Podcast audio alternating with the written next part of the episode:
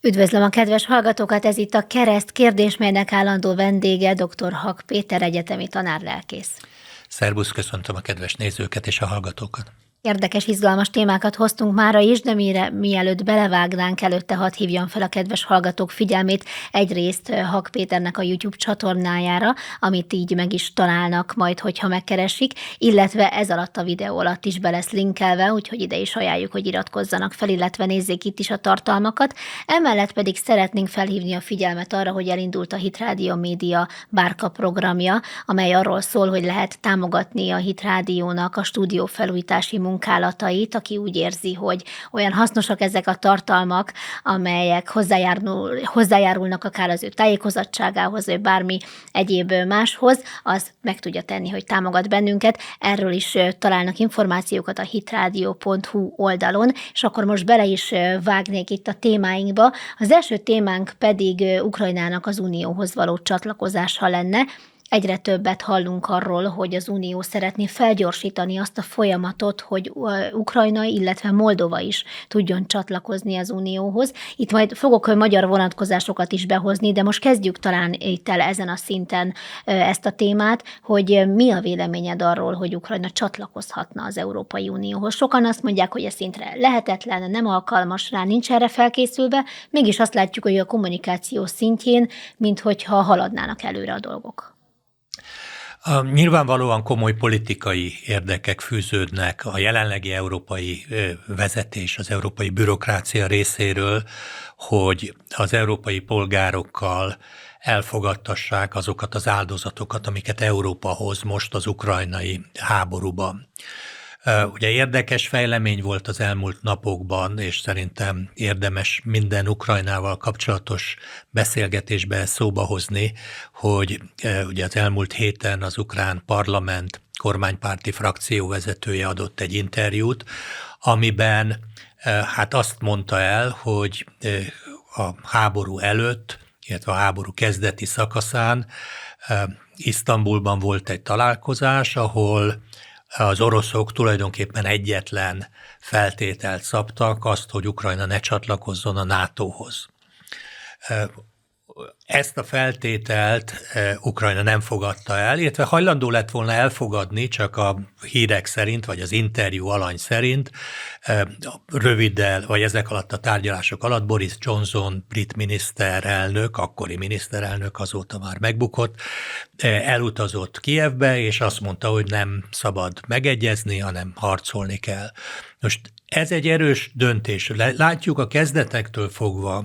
hogy Nyilván vannak olyan hallgatók, nézői ennek a műsornak is, akik vagy az egyik, vagy a másik oldal mellett erősen elkötelezettek az ukrajnai Oroszorsz, Oroszország és Ukrajna közötti háborúban. Én nem tartozom közéjük, tehát sem az egyik oldal mellett, sem a másik oldal mellett nem tudok egyértelműen elköteleződni. Nyilvánvaló, hogy a, a az orosz invázió az a nemzetközi jog alapján háborús cselekmény volt, és Oroszország ezért felelős, és az is nyilvánvaló, hogy Ukrajna jogos önvédelmi háborút vív ebben a mostani helyzetben. Az nem nyilvánvaló, hogy ezt a háborút nem lehetett volna elkerülni. Tehát a frakcióvezető úr nyilatkozatából az derül ki, hogy lett volna lehetőség elkerülni a háborút, a ha Ukrajna vállalja a semlegességet, tehát mondjuk egy Ausztriának vagy Svájcnak megfelelő pozíciót foglal el. Ausztria abból a szempontból érdekesebb, hogy ugye Ausztria az Európai Uniónak a része, de NATO-nak nem része, hogy akkor nem lehetett volna nagyon-nagyon-nagyon sok életet megmenteni. A mai napig nem tudjuk pontosan, hogy hány halálos áldozata van ennek a konfliktusnak ez a konfliktus bizonyos értelemben más, mint a, mint a gázai konfliktus. Gázában is nagyon nagy kár minden ártatlan civilért, de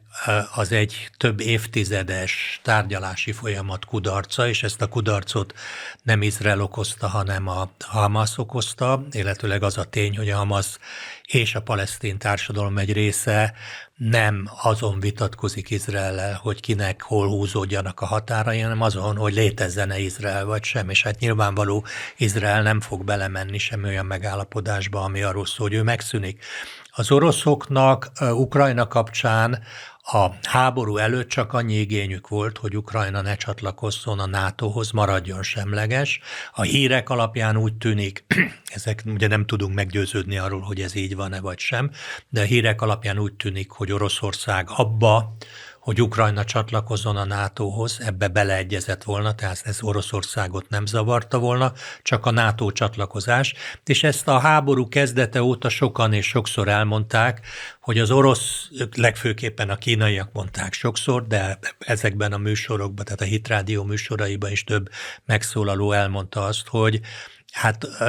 Oroszországnak van, lehetnek jogos biztonsági igényei. Tehát Oroszország számára lehet, lehet vörös vonal az, hogy nem szeretné, hogy a határaihoz, a közvetlen határain NATO csapatok állomásozzanak. Ugye az egész második világháború utáni kétpólusú világrendben a Szovjetunió számára, amely gyakorlatilag hát döntően orosz érdekeket jelenített meg, nagyon fontos volt, hogy legyen egy ütköző terület közte és a NATO között. Ebbe az ütköző területben nyilván Lengyelország, Csehszlovákia, Magyarország, Románia, Bulgária is beletartozott.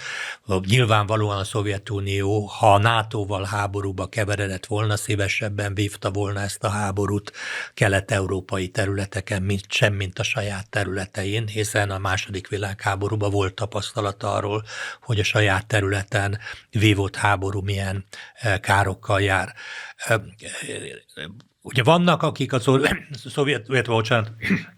Oroszországot azzal vádolják, hogy ő vissza akarna állítani ezt a eh, rendszerváltás, a Szovjetunió összeomlása előtti időszakot, és azt szeretné, hogy a valamennyi kelet-európai ország tulajdonképpen egy pufferzóna legyen. Ennek ellentmond az, hogy amikor az európai országok, Lengyelország, Csehszlovák, Csehország, Szlovákia, Magyarország csatlakozott a NATO-hoz, akkor Oroszország nem eh, lépett fel fegyveresen ez ellen, nem, eh, nem tiltakozott túlzottan élesen, a kezdetektől azt mondták, hogy, hogy ők úgy értelmezték a Kelet-Európából való szovjet kivonulást, ami a 91 és 93 között zajlott le, amikor Magyarországról, Lengyelországról, Németországból kivonultak a szovjet csapatok, hogy ők ezt úgy értelmezték, hogy ez a terület semleges lesz, de igazából azt, hogy Magyarországon, Németországban vagy Lengyelországban NATO csapatok vannak. Ez Oroszországot azért nem zavarta, mert még mindig ott maradt a NATO és közte eh, ugye Fehér Oroszország és Ukrajna. Ukrajna csatlakozása, ami akár utána előrevetítheti azt a törekvést is, hogy Bielorussziában és Fehér Oroszországban is eh, hatalmi változás legyen, és ő is csatlakozzon a nyugati blokkhoz, és ugyanazt az utat járja, mint a, mint a, a, a majdani a Majdan téri lázadást követő Ukrajna. Ugye ez azért az oroszokat komoly aggodalommal töltött el, ugyanúgy, ahogy egyébként Grúziának vagy Georgiának is az esetleges NATO csatlakozása, hiszen rögtön a szomszédságába jöhetnek NATO csapatok. És hát ez szintén sokszor elhangzott, hogy, hogy Oroszországnak ez a biztonsági igénye, ez ugyanolyan legitim, mint annak idején az USA-nak a, a kubai válság idején a, a biztonság igénye, hogy nem akarta, hogy a közvetlen szomszédságában orosz rakéták legyenek. A, ugye akkor, amikor ez a válság kitört, akkor ö, még interkontinentális rakéták nem fenyegették Amerikát, a középható távolságú rakéták Kubába helyezése viszont azt eredményezte, hogy a Szovjetunió közvetlenül is fenyegette rakétáival az Egyesült Államokat. És erre az USA, Kennedy elnök vezetésével nagyon-nagyon határozottan és agresszívan reagált, kilátásba került a, a harmadik világháború kitörése. Most ha Amerikának legitim az az igénye, hogy ne legyenek a közvetlen határain se Kubába, se Mexikóba, se Kanadába, bár ezek az utóbbiak nem fenyegetnek, ne legyenek őt fenyegető rakéták, akkor Oroszországnak is lehet egy ilyen legitim igénye, hogy ő nem szeretné, hogy a közvetlen határán Moszkvától két-három percnyi rakéta repülési időre eh, rakéták legyenek. Ugye minél távolabban, annál nagyobb az esély a védekezésre, eh, mint ezt látjuk, ugye szintén az izraeli konfliktusban is. És úgy tűnik, hogy ezt a háborút el lehetett volna kerülni. Hogy jutunk most a csatlakozáshoz? Úgy, hogy lány nyilvánvaló, hogy Amerika egyértelműen, és a nyugati blokk egyértelműen a konfrontáció felé tolta Ukrajnát, pénzt, paripát, fegyvert ígért, minden a nyugattal való kapcsolatból származó előnyt megígért Ukrajnának, és hát most tulajdonképpen, ahogy hát népiesen szokták mondani, mindenki fut a pénze után. Nyilvánvaló, hogy, hogy körülbelül egy millió halott van a, a halottja van a háborúnak, Megint ha, ha, hangsúlyozom azt, egy korábbi műsorban is erről beszéltem, de szerintem nagyon fontos, hogy, hogy ezek sem az ukrán, sem az orosz hadsereg nem szerződéses katonákból, nem kizárólag szerződéses katonákból áll, hanem sorozott, sorkötelesség van mind a két országban. Tehát én azt szoktam mondani, hogy itt a katona áldozatok nagy része is egyenruhás civil, akiknek civil életük volt, és a kötelező sorkatonai szolgálat miatt be, behívták őket. Tehát nem olyan emberekből áll, a hadsereg, mint az Egyesült Államok, vagy, vagy az Egyesült Királyság, vagy Németország, Franciaország hadserege, ahol felnőtt emberek döntenek, hogy szerződéses katonák lesz, hivatásos katonák lesznek, ezért elég komoly fizetést kapnak. Amerikában nagyon-nagyon komoly előnyök járnak azoknak, akik a hadseregbe szolgáltak, még több, aki, aki harctéren is szolgált, egyetemi felvétel, egyetemi ösztöndíj, munka lehetőségek. Tehát az más kérdés, nyilván a hivatásos katonák életéért is kár, és minden elvesztett élet, ugye bibliai alapon az élet élet Istentől van a Bibliában, azt olvassuk, hogy az ember életet Isten védelmezi, Noéval kötött szövetségnél azt mondja a Biblia, hogy mert az, az embert az Isten a saját képére és hasonlásosságára teremtette, ezért nem engedi az emberi élet kioltását. Tehát nyilván a hivatásos katonák életéért is kár, de a hivatásos katonák hoztak egy döntést, kalkuláltak vele a kockázatokkal, és kaptak érte fizetést. A sorkatonák és az áldozatoknak a döntő többsége sorkatona, a sorkatonák nem ezt tették, ők beleszülettek egy országba, amely ország törvényei kötelező sorkatonai szolgálatot írnak elő, és betöltötték a katonai, tehát a hivatás, vagy a sorköteles életkort, és akkor akkor behívták őket, ugye látunk ilyen közösségi médiában ilyen felvételeket, hogy hogyan fogdossák össze Ukrajnában a férfiakat, a sorköteles férfiakat, és a karatuk ellenére viszik el őket szolgálni, és küldik őket a vágóhídra. Tehát ezt az egész vérengzést, ami Ukrajnában zajlik, újra mondom, hát az ukránok is és az oroszok is időnként mondanak számokat, hogy naponta 500-700 katona hal meg, és hát ez most már lassan két éve zajlik, tehát hogyha ezt összeadjuk, és ha csak megfelezzük ezeket a számokat, akkor is hát biztos, hogy százezrek és inkább millió, milliós nagyságrendben estek áldozatul, ugye a civil áldozatok száma száma is meghaladja jóval a tízezret. Szóval ezt a háborút meg lehetett volna előzni, egy megállapodással Oroszország, Ukrajna és Európa között tulajdonképpen a, a Minszki megállapodásról sokáig azt hittük, hogy ez erről szól, hogy egyezünk meg, hogy hogy lehet elkerülni a háborút. Mivel nyugati nyomásra Ukrajna nem ment bele ebben. Ugye ő nekik az volt a hivatalos, hivatalos álláspontjuk, hogy szuverén, szuverén országok vagyunk, ahhoz csatlakozunk, akihez akarunk. E, számunkra nem érdekes Oroszország biztonsági igénye, ezzel tulajdonképpen hát létrehoztak egy olyan helyzetet, az egész konfliktust egy olyan pályára terelték, amiről nagyon-nagyon nehéz lejönni. E, pár héttel ezelőtt az Egyesült Államokban a Foreign Affairs nevű című folyóiratban megjelent egy nagyon alapos elemzés amerikai részről, amely ugye arról szólt, hogy hát valószínűleg kompromisszumot kell kötni, vagy békét kellene kötni. Arról szólt amerikai elemzők szerint, hogy Ukrajna nem tudja megnyerni a háborút. Ugye a Hitrádió állandó vendégei közül sokunknak fontos tájékozódási forrás Robert C. Kastelnek a, a véleménye. Én azt gondolom, hogy ugye ő a kezdetektől azt mondja, hogy Ukrajna nem tudja megnyerni, tehát katonai alapon nem, nem lehetséges, hogy Ukrajna megnyeri ezt a konfliktust. Oroszország nem engedheti meg magának, hogy elveszítse ezt a konfliktust. Ugye akik a harmadik világháború veszélyét látják ebben a konfliktusban, azok egy, egy átfogó ukrán győzelmet tartanak a legveszélyesebbnek erre, mert Oroszország arra, eh, ha egy ukrán áttörés történik egy ponton túl, már lehet, hogy taktikai atomfegyverekkel válaszol, ami tovább eszkolálja, és ugye a stratégiai atomfegyverek bevetéséhez vezethet. Tehát ez egy nagyon érzékeny terület, és, és igazából eh, szerintem a világ nagy része nem tudja, hogy mi ennek a tétje. Ugye az, a hivatalos érv, hogy a szabadságért küzdünk, de hát eh, Hát a halottak azok nem lesznek szabadok, tehát ha a letarolt világ nem lesz szabad. Ukrajna, ha meg is nyeri a háborút, évtizedekig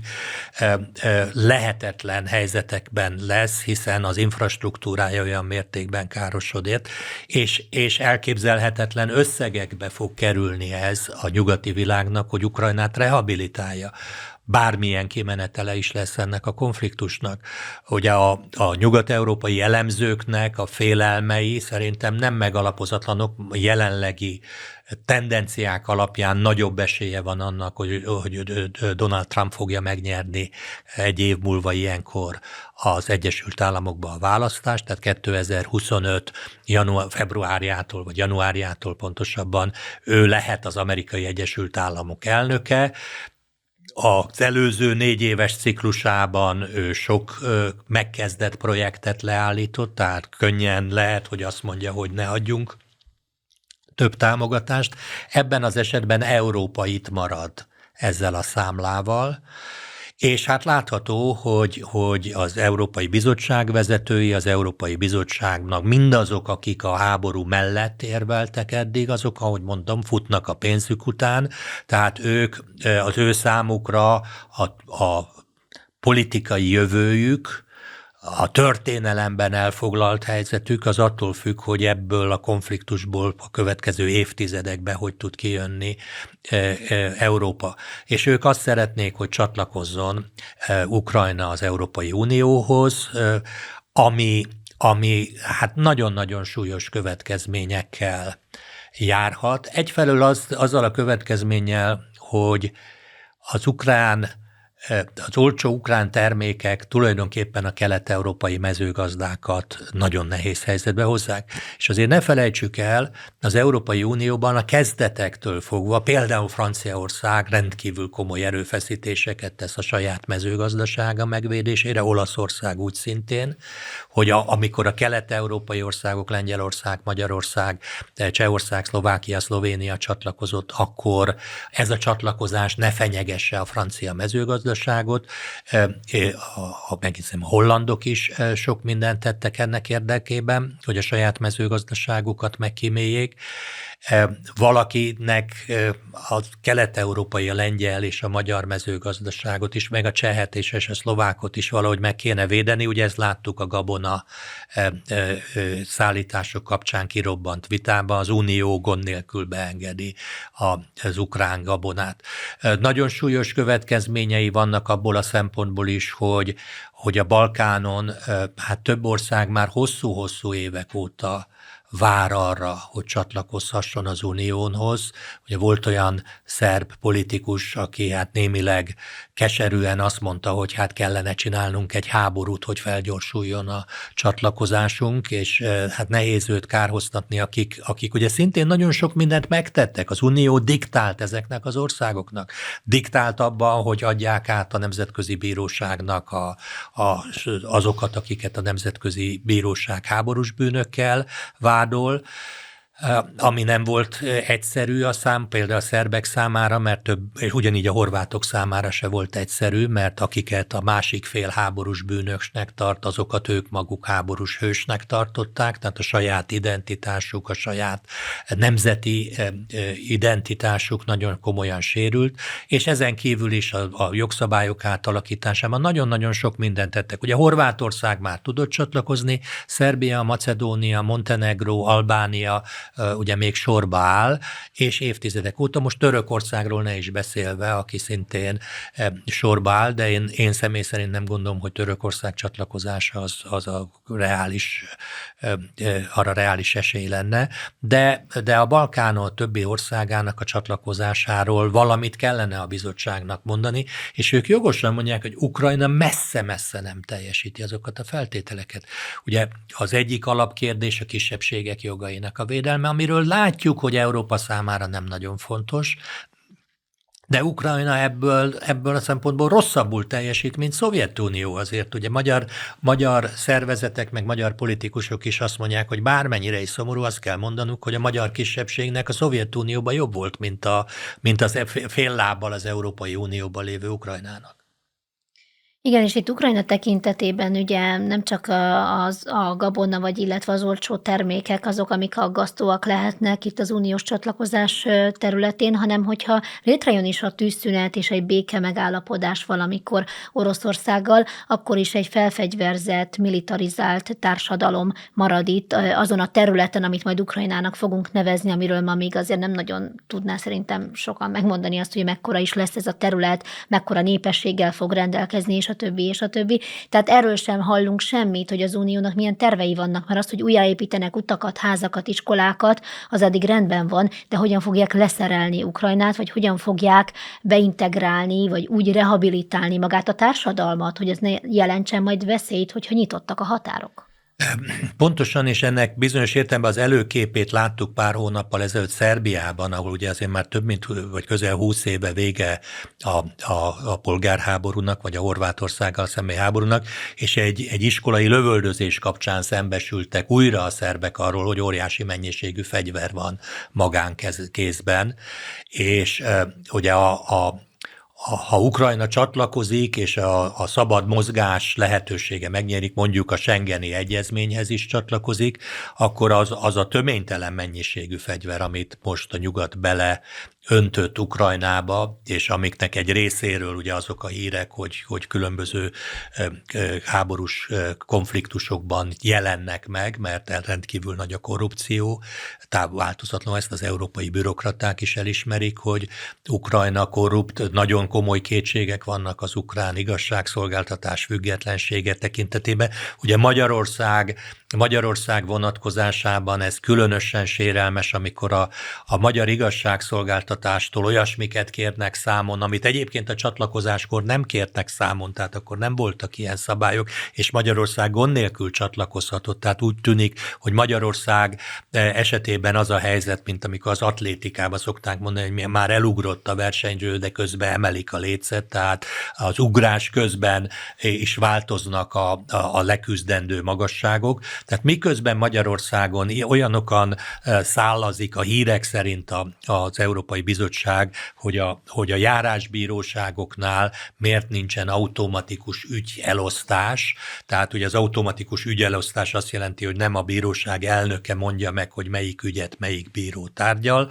hanem az automa, a gép dobja, ahogy szintén szokták mondani, hogy előre elosztják, hogy milyen számú ügy hova kerül. most egyfelől, egyfelől a magyarországi járás járásbíróságokból sokkal-sokkal több van, mint például Finnországban a lakosság arányra vetítve. Tehát nálunk egy nagyon elaprózott bírósági struktúra van, száz fölötti a helyi bíróságoknak a száma, és ezek között vannak, vannak a, a, a fele, kb. 50 olyan bíróság van, ahol egy bíróságon 10 bírónál kevesebb dolgozik. Ha egy bíróságon tíz bíró van, akkor abból három vagy négy az, aki büntető, a többi polgári vagy polgári ügyekkel foglalkozik. Ez azt jelenti, hogy három bíró között elosztani az ügyeket el lehet automatikusan, csak ugye csak, akkor kiderül az, hogy az egyik bírónak a házastársa ugyanannál a bíróság mellett működő ügyészségnél dolgozik. Ez eléggé tipikus, hogy jogászok jogászokkal házasodnak, a férj ügyész, a feleség bíró, vagy fordítva, vagy a férj ügyvéd, a feleség pedig bíró, vagy megint csak fordítva. Ez már eleve a törvény szerint összeférhetetlen, tehát az egyikük már eleve kiesik akkor utána lehet, hogy a másik, mint nyomozási bíró már döntött ügyben, ő is kiesett, tehát akkor az automatikus sziglásnak az égvilágon semmilyen értelme nincsen. Olyan bíróságokon, ahol több bíró van, ott szólnak érvek az automatikus szignálás mellett, mondván, hogy az elnök ne tudjon belenyúlni a kijelölésen az ügyekbe, de de ugyanakkor meg amellett is szól érv, hogy az ügyekhez jobban értő, bíróhoz jobb, ha kerül az ügy, mert például itt van a, a hableány hajókatasztrófa, ugye ezt, ezt a Pesti Központi Kerületi Bíróság egy járásbíróság tárgyalja. Az automatikus ügybeosztás szerint ezt az ügyet megkaphatta volna egy olyan bíró, akit előtte egy héttel neveznek ki bírónak és gyakorlatilag minden ítélkezési tapasztalat nélkül ítélkezhet egy ilyen horderejű ügyben. Nem jobb az, hogyha keresünk egy olyan bírót, aki tíz éve, húsz éve már foglalkozott ilyen ügyekkel. Szóval azért mondom, hogy ezek a, ez, ebből látszik, ez,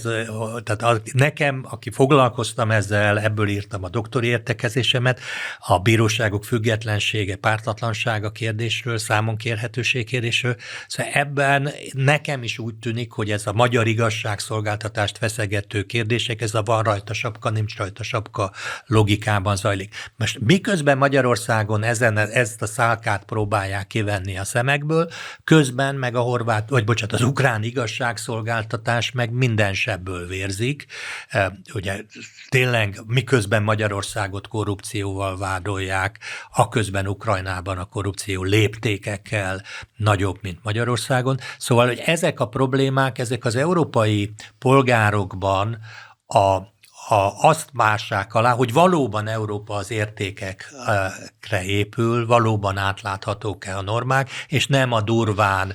a durva, leplezetlen üzleti és, és politikai érdekek döntik el, hogy mi az, ami, a, ami átmegy a szűrőn, és mi az, ami nem megy át a szűrőn. És hát ugye a magyar szempontból pedig különösen éles szempont, ugye Magyarországot bele akarják zsarolni abba, hogy, hogy támogassa Ukrajna uniós csatlakozását, miközben fennáll az a helyzet, amit az előbb említettem, hogy a magyar kisebbség rosszabb helyzetben van, mint a Szovjetunió idején volt. És hát akkor egy pár szót beszéljünk erről is. Itt két hírt is hoztam ezzel kapcsolatban. Az első az, hogy a Mandiner értesülései szerint Kárpátalján azt is szeretnék megszabni, hogy az iskolában a, a diákok és a tanárok beszélhetnek -e egymás között magyarul, míg állítólag a szünetben sem tehetik ezt meg, ugye, és ezt, ezt nem régen hozták ezt a törvényt, tehát már itt a háború időszaka alatt történt ez, tehát nem ez, egy, ez nem egy régi ügy. Viszont azt is lehetett olvasni, olvas, olvasni, hogy Denis Mihál ukrán miniszter egy most pénteken, tehát múlt hét pénteken egy olyan törvényjavaslatot mutatott be, az ukrán nyelvtörvényel kapcsolatban, amely enyhítené a kárpátaljai magyaroknak a nyelvhasználathoz fűződő jogait, és kivennék belőle azokat a passzusokat, amelyeket a magyar kormány is kritizál. Ugye sokan azt mondják, hogy, hogy most nyilván valamilyen szinten azért próbál Ukrajna ezen enyhíteni, hogy mi ne legyünk gátja már, mint magyarok az ő uniós csatlakozásának. Te hogyan látod ezt az egész helyzetet? Mert ahogy így többekkel beszéltem, valaki azt mondta, hogy hát talán most egy nagyon kemény politizálással el lehetne érni azt, hogy a kárpátaljai magyaroknak a helyzete javuljon, mert most Ukrajnának szüksége van úgymond a magyar igenre, vagy arra, hogy szabad utat adjunk az uniós csatlakozás számára, mások pedig nagyon szkeptikusak azzal kapcsolatban, hogy ezt meg, meg lehet-e tenni. Én, ugye én azt gondolom, hogy na, ez egy nagyon nehéz döntés, ha a magyar kormány ilyen helyzetbe kerül, tehát ha ezt a törvényt elfogadják, és ez hatályba lép, mert az, hogy megígérik, hogy majd be fogunk ilyet nyújtani, az biztos, hogy nem elég ahhoz, hogy, hogy holnap felkapcsolja a magyar kormány a zöld lámpát Ukrajna csatlakozás előtt. Ugye egyik oldalról kétségtelenül most a Magyarország kezében van eszköz arra, hogy Ukrajnát rávegye hogy a magyar kisebbséggel Hát legalább olyan helyzetbe hozza a magyar kisebbséget, mint amilyen a Szovjetunió a, a 20. század második felének nagy diktatúrája biztosított számukra. Ugyanakkor azért azt látni kell, hogy a magyar kisebbség az nem, nem célpontja, első, nem elsődleges célpontja az ukrán nyelvtörvénynek, az, az elsődleges célpont az, az orosz kisebbség. Ugye a magyarok száma a háború előtt, a lakásság arány az 0,3 százalék volt az ukrán lakosságon belül, tehát ez kb. 150 ezer, 160 ezer kárpátaljai magyar, miközben a, az, az ukrajnai orosz anyanyelvű vagy orosz lakosságnak a száma az meg 8 milliót meghaladta, tehát több mint 17 százaléka volt a lakosságnak. Most a jelenlegi nyelvtörvényből is úgy tűnik, hogy az, vagy amit bejelentett a, a miniszter, az ukrán miniszter, hogy ez, a, ez az enyhítő szabály, ez a magyarokra vonatkozik, de az oroszok, az orosz nyelvre nem vonatkozik. Most el lehet képzelni azt, el lehet ezt mondani, hogy az európai értékrend, az európai norma az az diktálja, hogy, hogy egy, egy ország lakosságának a 17 a korlátozva van a nyelvhasználatában. És ugye ez azért jelent egy veszélyes precedenst, mert ugye látnunk kell, hogy Magyarország a 20. század második felébe Oroszországgal osztozik egy bizonyos helyzetbe, 90 után jött elő létre ez a helyzet, ugye Magyarország már Trianon óta ebben a helyzetben van, hogy a, a lakosságának az egyharmada, vagy az állam, hogy mondjam, a magyarok, a, Kárpát-medencébe élő magyaroknak közel az egyharmada az a határokon kívül él, tehát majdnem ugyanannyi magyar él a határon kívül, mint a határon belül élőknek a fele. A, ugye Oroszország, a Szovjetunió szétesése után Oroszország lett világon az első ország, amely az első helyen került, ahol a saját nemzet társainak egy jelentős része más országokban él. Ugye ebben Ukrajna egy nagyon nagy, sokan élnek oroszok Belorussziában, Kirgizisztánban, Kazaksztánban, Örményországban, Grúzi, Georgiában és az egykori szovjet tagállamokban, ahol még lehet azt mondani, hogy oda már csak a Szovjetunió idején települtek, de ez nem teljesen igaz, de Ukrajnában azok az oroszok, akik ott éltek, azok nem a Szovjetunió Szovjetunió miatt éltek ott, hanem azért eredetileg is ott éltek évszázadokra visszamenően. Most lehet-e európai norma szerint azt mondani, hogy egy ekkora nemzeti kisebbséget, a lakosságnak a 17 át meg lehet fosztani attól a jogától, hogy a nemzeti identitását megtartsa, hogy anyanyelvén tanuljon, anyanyelvi véd gyakorolja, kultúráját megtartja. Ha azt mondjuk, hogy ez belefér az európai értékrendbe, akkor a következő körben előállhatnak, ami minket érint, a románok, hogy hát ha az oroszokat Ukrajnában, az Európai Uniós Ukrajnában az oroszokat meg lehet fosztani a nyelvhasználatától, akkor az erdélyi magyarokat miért nem lehet? A szlovákok előállhatnak, hogy a felvidéki magyarokat miért nem? Ha az oroszokat meg lehet fosztani ettől, akkor őket miért nem? A szerbek előállhatnak, hogy a vajdasági magyarokat is meg lehetne fosztani, és ez nem csak magyar probléma, mert nyilvánvalóan ez előjön a paszkoknál, előjön más nemzeti kisebbségek, kisebbségeknél is, a, Európai Unión belül élő nemzeti kisebbségeknél is, ahol eddig megvolt a nyelvhasználat, meg a kultúra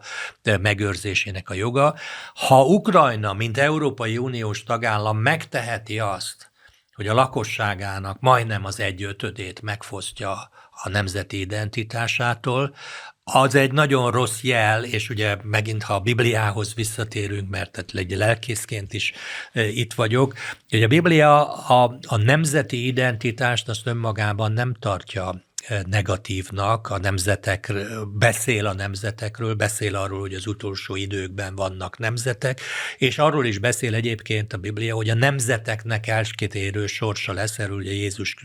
az evangéliumban beszél, a jó nemzetekről és a kecske nemzetekről, a, akik, akik a, az üdvösségbe, vagy az itt, a kegyelembe vagy az ítéletbe kerülnek bele. Tehát ebből a szempontból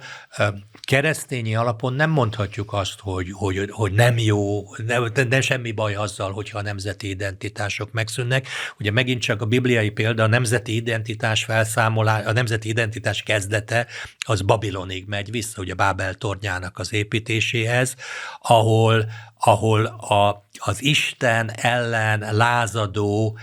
egységes emberiségre mondott egy ítéletet az Isten, hogy megosztja a nyelvetket, és megosztja a kultúrájukat is ezzel, azért, hogy ne tudjanak Isten ellen összefogni. Ugye az a törekvés a bibliai perspektívában, hogy a nemzetek összefogjanak, megszűnjenek a nemzeti identitások, megszűnjenek a nemzeti nyelvek, egy nyelvű, egy kultúrájú világ jöjjön létre. Ez nem a Biblia Istenének a terve az emberiség jövőjére. Most látszólag témát fogok váltani, nem csak látszólag ténylegesen is, ugyanis itt Budapestre vissza kell, hogy húzzam a kedves nézőket, és ezáltal téged is egy picit, ugyanis a Mi Hazánk benyújtott egy törvényjavaslatot, vagy legalábbis módosítást kezdeményezett a választásokkal kapcsolatban, a budapesti választásokkal kapcsolatban, és hát rossz nyelvek azt mondják, hogy így próbálják meg Karácsony Gergelyt legyőzni, hogyha el fogják fogadni ezt a módosítást, de hogy egy picit értsük azt, hogy pontosan mi van e mögött, ezért ebben szeretném szeretném a segítségedet kérni. Mit jelent Budapesten a listás szavazás? Hát e, e, ehhez a válaszhoz vissza kell mennünk 1990-ig, tehát 30 három évet. Ugye 90 máj, tavaszán megvolt az országgyűlési választás, 90 májusán összeült az első magyar, demokratikusan választott első magyar országgyűlés, és eldöntötte, hogy minél hamarabb a korábban létező tanácsrendszert önkormányzati rendszerrel váltja fel. És a 90 nyara ugye azzal telt, hogy a, az akkori kormánykoalíció, az MDF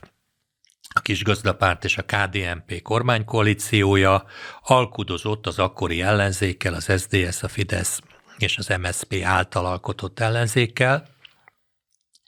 mivel a önkormányzati törvény kétharmados törvény volt, az alkú arról szólt, hogy hogyan, hogyan működjenek ezek az önkormányzatok. Ugye ebben a vitában nagyon speciális helyzete volt Budapestnek. Tehát igazából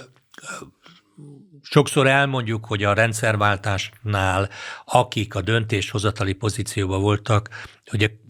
nagyon komoly ambíciókkal, és szerintem a döntő többségük nagyon erős erkölcsi bázissal rendelkezett. Tehát morálisan szerintem az akkori politikai eh, elit eh,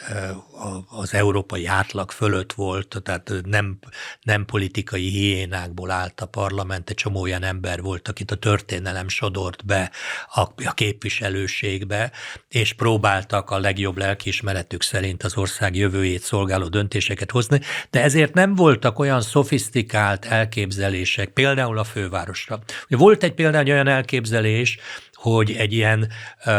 egy, az úgynevezett city koncepció, hogy a belső kerületekből, a főváros belső kerületekből egy a londoni mintára egy city jöjjön létre, és a külső kerületek őrizzék meg az önállóságukat. Tehát, hogy a fővárosi önkormányzat az nem az egész fővárosi területre terjedt volna ki, hanem csak a belső kerületekbe. Ettől még az, az egész Budapest lett volna, de az igazgatási döntéseket a kerületek maguk hozzák. Na most gyakorlatilag 90 óta zajlik a harc a fővároson belül, hogy a kompetenciák hogyan oszoljanak meg a kerület és a, és a főváros között. Ugye ezt a fővárosi lakosok nagy része sem, részében sem tudatosult, ugye, hogy hogy vannak olyan útvonalak, mondom egyszerűen úgy, ahol tömegközlekedési jármű jár, annak a fenntartása a főváros feladata, a keresztutcák pedig az önkormányzat feladata. Tehát, tehát eh, eh, ha van egy kátyú, vagy van egy csőtörés, akkor, akkor, akkor attól függ, hogy a fővárosnak vagy a kerületnek kell lesz rendbehozni. És hát nagyon sok más kérdésben is megoszlottak. Nagy kérdés volt az is, hogy a főpolgármester az, az, az egy speciális politikai legitimitással rendelkező személy legyen, vagy első az egyenlő között. Ugye 90-ben egy olyan megállapodás szület, vagy egy olyan törvény született, hogy a, a főpolgármestert a a képviselő testület választotta, tehát nem a választók közvetlenül, a polgármestereket is, tehát a kerületi polgármestereket is a képviselő testületek választották. Ugye a képviselő testületekben nagyjából arányos választással kerültek be a frakció képviselői, és hát ők ugyanúgy, ahogy a kormány alakításnál ők egyeztek meg abba, hogy ki legyen, ugye, hogy a kormány alakításnál, hogy ki lesz a miniszterelnök, a frakciók megegyeztek, hogy ki legyen a polgármester, kik az alkupolgármesterek. Most ugye ebben 94-ben történt változás, és ugye azt azért el kell mondani, sokszor vádolják a jobb oldalt, hogy egyoldalúan megváltoztatja a szabályokat. 94-ben a baloldal változtatta meg egyoldalúan, és röviddel a választások előtt a szabályokat, és ugye én akkor képviselő voltam, azt a kollégáim emlékeznek, hogy én magam elleneztem ezt a a változást éppen azért, hogy ne teremtsen precedenst arra, hogy meg lehessen ilyen gyorsan változtatni akkor ugye az SZDSZ-nek is, és az MSZP-nek is, ugye a frissen győztes MSZP-nek is, az volt az, az volt az érdeke, hogy közvetlen polgármester választások legyenek, mert ismert politikai vezetőik voltak, akiknek a nevéhez, nevé, neve vonzotta a szavazatot, és ez be is jött, mert a megváltozott szabályok szerint létrehozott hajtott választásokon ezek az ismert személyek, közülük vannak olyanok, akik a mai napig is polgármesterek, így tudtak a választók támogatásával befutni. Ugye a másik kérdés az volt a fővárosban, hogy kikből álljon a fővárosi képviselőtestület. Ugye 2014-ig, amikor már Fidesz megválasztotta, a, a választók közvetlenül delegálhattak, részben másrészt a kerületek is delegálhattak a fővárosi képviselőtestületbe. 2014-ben az az állapot jött létre, hogy a, ker, a kerületi polgármesterekből áll a fővárosi képviselőtestület, és, és ők döntenek. Most ezt akarják megváltoztatni. Én azt szeretném erre mondani, hogy, hogy minden megoldás mellett és ellen fel lehet hozni érveket, tehát itt nem lehet azt mondani, hogy van egy demokratikus és van egy antidemokratikus, van egy jó és van egy rossz megoldás. Bármelyiket választják, ugye érdekek vannak mögötte. Egy dologban biztos vagyok, hogy az nem szerencsés, hogy hat hónappal a választások előtt változtatnak a szabályokon, és, és erre vonatkozóan a, az Európa Tanács, amely ugye nem az Európai Unió szerve, az Európa Tanácsnak a jogi, jogi tanácsadó testülete, az úgynevezett Velencei Bizottság, a választásokkal kapcsolatos ajánlásaiban azt mondja, hogy egy évvel a választások előtt ne legyen változás, tehát ha elfogadnak valamit, például az egy korrekt dolog lenne, ha most elfogadják ezt a megváltozott szabályozást, azt a következő 2029-es választásnál fogják alkalmazni. Tehát ez mindenképpen aggályos, hogy fél évvel a választás előtt belenyúlnak.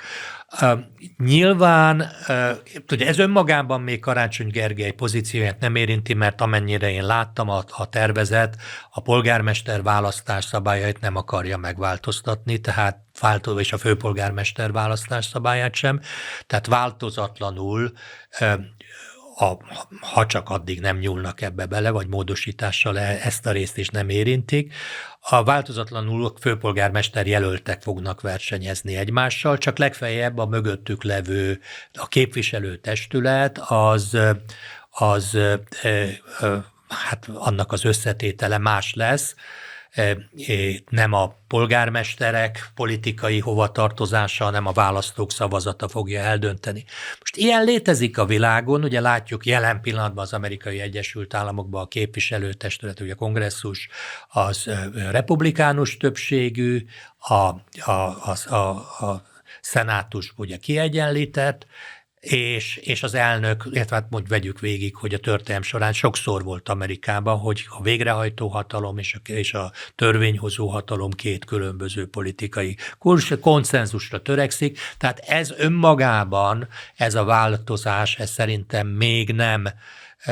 teszi lehetetlenné azt, hogy, hogy Karácsony Gergely újra megnyerje, hogyha ő nyeri meg a választást, és, és mindegyik megoldás mellett és ellen lehet fel, felhozni érveket. Amellett nagyon nehéz, hogy fél évvel a választás előtt belenyúlnak. Kétségtelen, hogy a magyar történelemben több példa volt erre, hogy ezt megtették, de ez minden esetben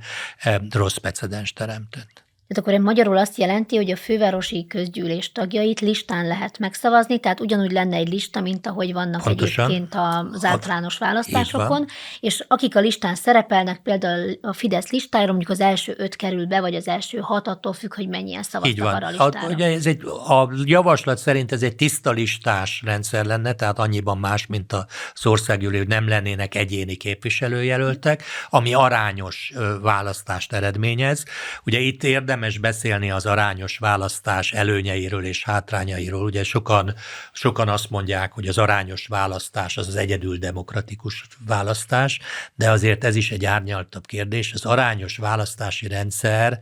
a kisebbségeknek nagyon kedvez, mert az ő, az ő döntésük fogja meghatározni. Tehát az arányos választási rendszerben sokszor a legkevesebb szavazatot kapó párt diktálja a tempót, mert rajta múlik, hogy van-e kormány vagy nem, és ez egy, ez, erre nehéz azt mondani, hogy ez a legdemokratikusabb, és hát láttuk azt az elmúlt időben, ugye a háború előtti években ugye Izraelre jellemző volt, hogy öt választás is nehezen tudott létrehozni kormányt, és nem nehéz ezen vitatkozni, hogy a, a a, hogy ez a mostani kormány ez demokratikusabb, mint az előző. Ugye mindegyik választásnál a Likud jött ki első helyen, de többször nem tudott, csak ellenzékbe került, de ugyanezt láttuk Spanyolországban, hiába nyerte meg a listás választást a, a jobb oldal, ugyanezt látjuk most, láttuk ugye Lengyelországban, hiába lett a legnagyobb a párt, a korábbi kormánypárt, úgy tűnik, hogy nehézségei vannak a kormányalakításba, és lehet, hogy a legkisebb párt fogja eldönteni, hogy ki alakít kormányt. Ugyanezt látjuk az arányos választásnál most Hollandiában, ahol ugye a, a, a Cat Wilders pártja megnyerte nagyon nagy többséggel, nagyon nagy fölénnyel, több mint 30%-át a szavazatoknak, de nem biztos, hogy tud kormányt alakítani. Tehát az arányos választásra azt mondani, amit most ugye mi hazánk is mond, hogy az az egyetlen demokratikus, az nem teljesen igaz, mert az arányos választás eredményeként létrejöhet az, hogy a két nagy párt, amelyik versenyez, az egyik megnyeri akár nagy többséggel, de az arányos választás következtében csak koalícióban tud kormány kormányozni, és ettől, pillanat, ettől a pillanattól fogva a kicsik fogják megdönteni. Zárójel, ha úgy marad minden, ahogy most van, kétségtelen, hogy a, a mi hazánknak érdeke az arányos választás, mert a belátható jövőben nem fog tudni 50%-ot szerezni, de királycsináló pozícióba egy arányos választással bekerülhet. Tehát e, azért itt e, inkább az érdekek diktálnak, mint az elvek. E, ugyanilyen, tehát az Egyesült Államokban, ugye ott nincs arány, arányos választás, az Egyesült Királyságban nincs arány, arányos választás, és még sok más országban, ami az amerikai, eh, brit-amerikai mintát, ahol a győztes mindent visz el, visz az egyéni körzetekbe. Tehát nem lehet azt mondani, hogy az arányos az demokratikusabb, mint a nem arányos. Eh, ugye Görögországban a parlamenti választásoknál úgy oldják meg a kormányozhatóság problémát, hogy a győztes kap még 50 mandátumot a parlamentben, hogyha ha aki megnyeri, tehát aki első helyen végez az arányos választásnál, az még ajándékba kap 50 mandátumot, hogy legyen kormányzó képes többsége, és ne legyen olyan helyzet, mint Belgiumban, hogy évekig nem volt kormány, mert nem tudnak kormányt alakítani. Hollandiában ugye a most, lemond, a, tehát a most leváltott kormány, a Rutte kormány talán majdnem, majdnem egy évbe telt, tíz mire meg tudod. Tíz hónap, így van, tíz hónapot. És ezek mind az arányos választásnak a, a következményei. Itt megint csak ugye bibliai alapon mi a jó és a rosszról beszélünk, de a, a politikában, a jogban nem minden pont a jó és a rossz erkölcsi kategóriájába besorolható. Itt sokkal inkább azt kell eldönteni, hogy a költségek és a hasznok alapján melyik az a megoldás, ami egy adott helyzetben optimálisnak tűnik. És ha már Spanyolországot említetted, akkor ugye itt valóban kérdés a demokratikusságnak a kérdés ennél az arányos választásnál, hiszen ott is az történt, hogy a jobb oldal kapott több szavazatot, viszont most, hogy kormány alakult végre valahára, ez is ugye júliusban voltak ott a választások, és most egy baloldali miniszterelnöke lett az országnak. Egy baloldali miniszterelnöke, aki csak azért tudott miniszterelnök lenni, mert egy szeparatista politikai erőnek a követ, követelését, ugye a katalán eh, pártnak a követelését elfogadta, és általános amnestiát adott azoknak, akik, akik eh, eh, különböző bűncselekményekkel elítéltek, ami ellen óriási tömegek tüntettek Madridban, hogy miért adnak amnestiát a terroristáknak, mondták a tüntetők, Szóval pontosan erről van szó, hogy, hogy, hogy úgymond egy, a, a nagy pártok az arányos választási rendszerben kiszolgáltatottá válnak a kis pártoknak. Ugye az arányos rendszerben nagyon-nagyon-nagyon ritkán fordul elő, hogy egy párt el tud érni önmagában 50% fölöttit, Ugye megjegyzem, Magyarországon sem ért el soha. Ugye vannak olyan esetek, amikor a, volt olyan választás, amikor a Fidesz választási szövetsége ért el 50% fölötti eredménnyel kétharmadot meghaladó többséget, mert ugye a mi rendszerünk a győztesnek kedvező rendszer, amely győztesnek kedvező rendszernek például az a következménye, egyfelől mondhatjuk azt, hogy ez igazságtalan. Milyen igazságtalan az, hogy a, hogy a Fidesz mondjuk 48%-ot kap, és van kétharmada, vagy 51%-kal van kétharmada, ez egyfelől ez egy logi, jogos észrevétel, másfelől viszont ennek az aránytalan rendszernek az előnye az, hogy 1990 óta, tehát én már 23 éve, Magyarországon minden parlamenti többség ki tudta tölteni a mandátumát, nem volt kormányválság, ugye voltak kormányváltások választási ciklusban, egyfelől Antal József sajnálatos halála miatt kellett, az első ciklusban utána Megyesi Péter lemondása miatt, utána Gyurcsány Ferenc lemondása miatt, de a parlamenti többség mindegyik esetben tudta ezt kezelni, tehát megvolt a stabil többség, még a 90-ben megválasztott parlamentben is, ahol, ahol gombamódra szaporodtak a frakciók és osztódtak a pártok, de, de de még ott is ezt megtudták. Ez, ez az aránytalan rendszernek a, a kétségtelen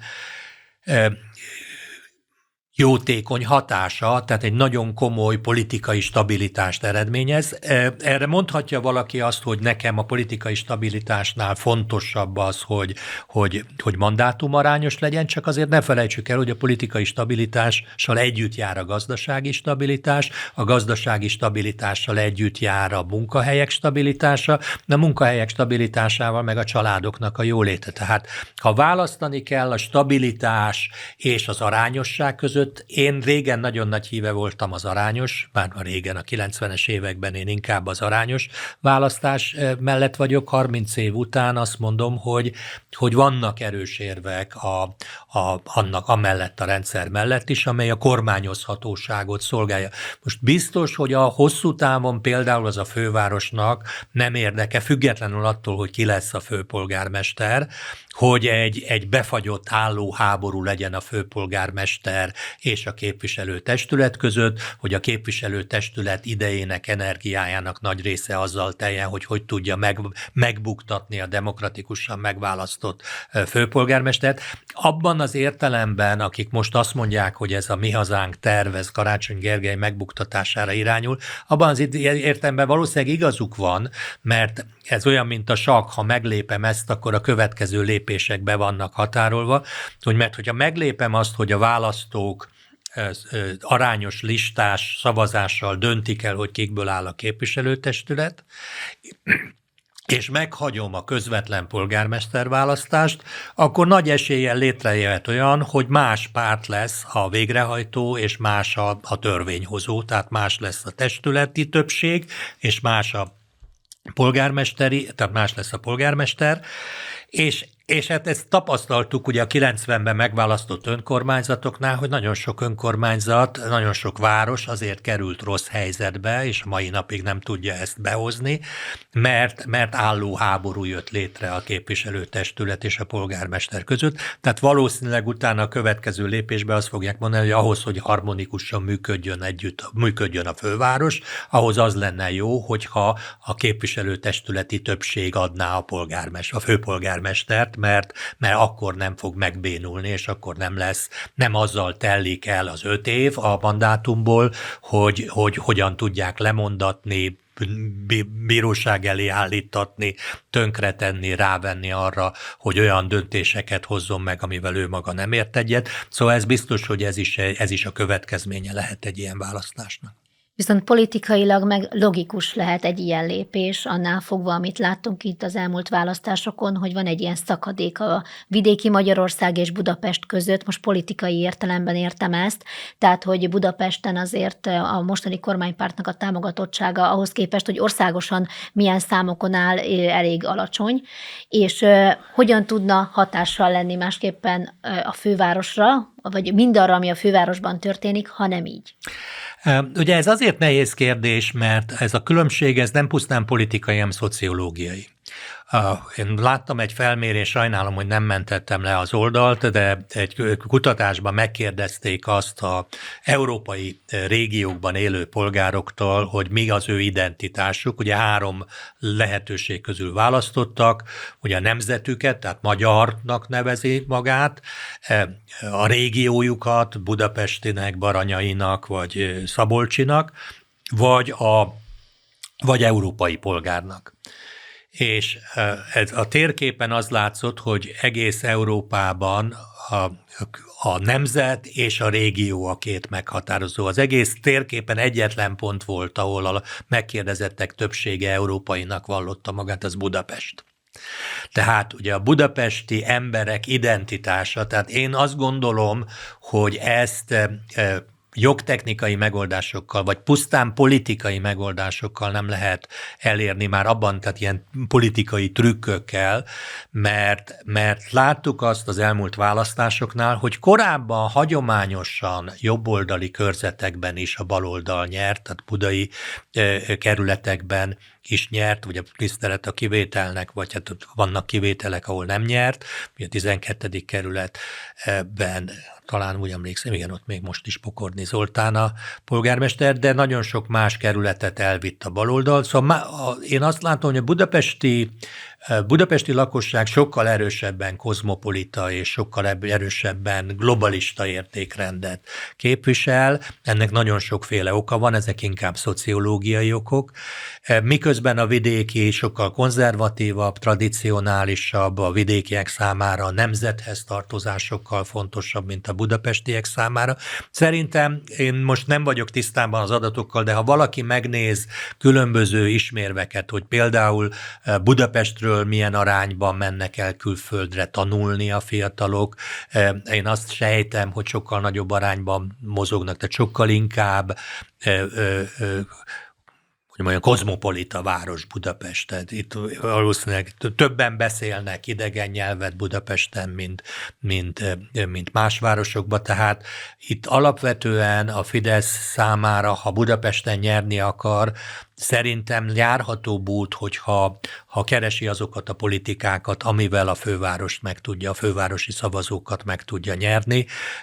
ugye a, a, a, megnézni, hogy mik azok a prioritások, amik a fővárosiak számára fontosak, és abban